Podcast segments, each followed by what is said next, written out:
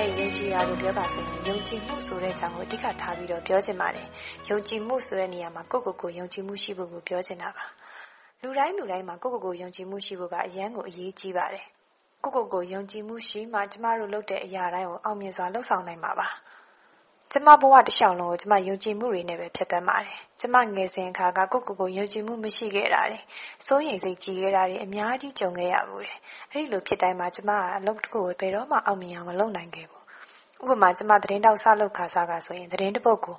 လိုက်တော့မယ်ဆိုတဲ့အခါမှာကျမစိုးရိမ်စိတ်ဝင်လာပြီးဒီသတင်းကိုငါရနိုင်ပါမလားလို့တွေးလိုက်ပြီးဆိုတာနဲ့ကျမအဲ့ဒီသတင်းကိုဘလောက်လွယ်ကူပါစေကျမလုံးမလုံးနိုင်ခဲ့ပါဘူး ဒါပေမဲ့ကျမစိတ်ယုံကြည်မှုကျမရဲ့စိတ်ဝင်စားမှုပေါ်မှာမူတည်ပြီးတော့ရလက်တရားပြောင်းလဲလာပါတယ်။သတင်းတစ်ပုဒ်ကိုကျမလိုက်တော့မယ်။အဲ့ဒီသတင်းကိုကျမစိတ်ဝင်စားမှုရှိတယ်။ငါဒါကိုဖြစ်အောင်လုပ်နိုင်မှာပါဆိုတဲ့ယုံကြည်မှုထည့်လိုက်ပြီဆိုလို့ရှိရင်တော့ကျမကဘလောက်ပဲခက်ခဲတဲ့သတင်းတစ်ပုဒ်ဖြစ်ပါစေ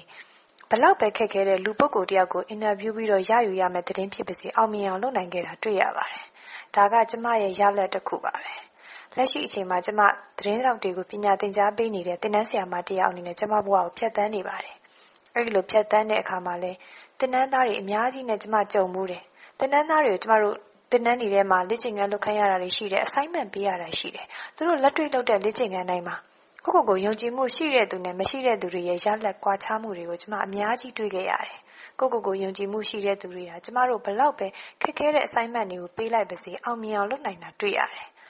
ယုံကြည်မှုမရှိတဲ့သူတွေကကြတော့သူတို့မှာစင်ကြေတွေစိုးရိမ်စိတ်တွေနဲ့နောက်ဆုံးထွက်လာတဲ့ရလဒ်တွေကမကောင်းတဲ့ရလဒ်တွေပဲဖြစ်လာတာကျမတို့မြင်ရမှာပါဒါကကိုကိုကိုယုံကြည်မှုရှိခြင်းရဲ့ရလဒ်တွေပြရုပ်တွေပါပဲဒီအချိန်မှာကျမဆက်ပြီးပြောချင်တာကစိုးရိမ်စိတ်ပါစိုးရိမ်စိတ်ဆိုတာကျမတို့ယုံကြည်မှုကနေပဲအခြေခံတာပါကိုကိုကိုမယုံကြည်ဘူးဆိုတဲ့အခါမှာကျမတို့စိုးရိမ်စိတ်တွေဝင်လာတာပါပဲအဲ့တော့ဒီလိုစိုးရိမ်စိတ်တွေကိုကျမတို့ကြော်လွှားဖို့ဆိုတာကယုံကြည်မှုနဲ့ပဲကျမတို့ဖြတ်တန်းရမှာပါ ဒီအချိန်မှာကျမထပ်ပြီးထပ်ပြောချင်တာရှိပါတယ်အဲ့တော့ယုံကြည်မှုဆိုတဲ့အခါမှာလွန်ကဲတဲ့ယုံကြည်မှု over confidence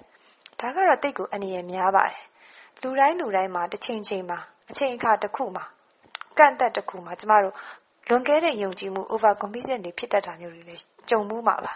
ကျမကိုယ်တိုင်လည်းကြုံခဲ့ရဘူးတွေရှိတယ်ကျမပတ်ဝန်းကျင်မှာဆိုလို့ရှိရင်လည်းကိုယ့်ကိုယ်ကိုလွန်ကဲတဲ့ယုံကြည်မှုရှိတဲ့သူတွေဟာကြာရှုံးတဲ့လမ်းစာကိုရောက်သွားကြတာတွေကိုအများကြီးတွေ့ရပါတယ် လွန်ခဲ့တဲ့ယုံကြည်မှုဆိုတာဘယ်လိုမျိုးလဲဆိုရင်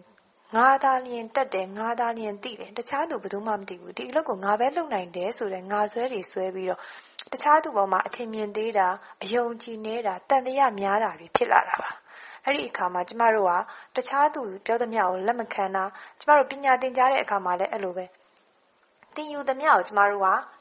ကကိုကိုကို over confidence ဖြစ်သွားတဲ့အခါမှာငါပဲတက်တယ် ငါတခြားလူလားပြောလို့ရှိရင်ငါထက်မတက်ဘူးလို့ယူဆလိုက်တဲ့အခါမှာကျမတို့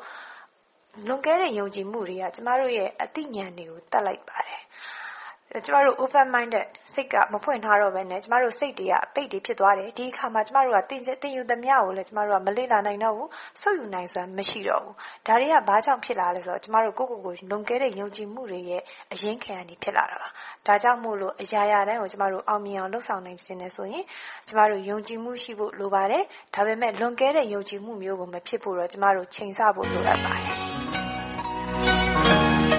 အပတ်စဉ်တင်ဆက်နေတဲ့ သူယုံကြည်ရာကဏ္ဍအတွက်ဘလို့အကြောင်းအရာမျိုးမှမဆို ကိုယုံကြည်ရာလေးတွေကို ပါဝင်ဆွေးနွေးပေးဖို့ ဖိတ်ခေါ်ပါရစေ။ email လိပ်စာ burmese@voanews.com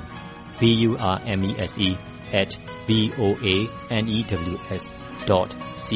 ကို စာရေးပြီး ဆက်သွယ်ရမယ့် တယ်လီဖုန်းနံပါတ်ကို အကြောင်းကြားလိုက်ပါခင်ဗျာကျွန်တော် ပြန်ဆက်သွယ်ပါမယ်။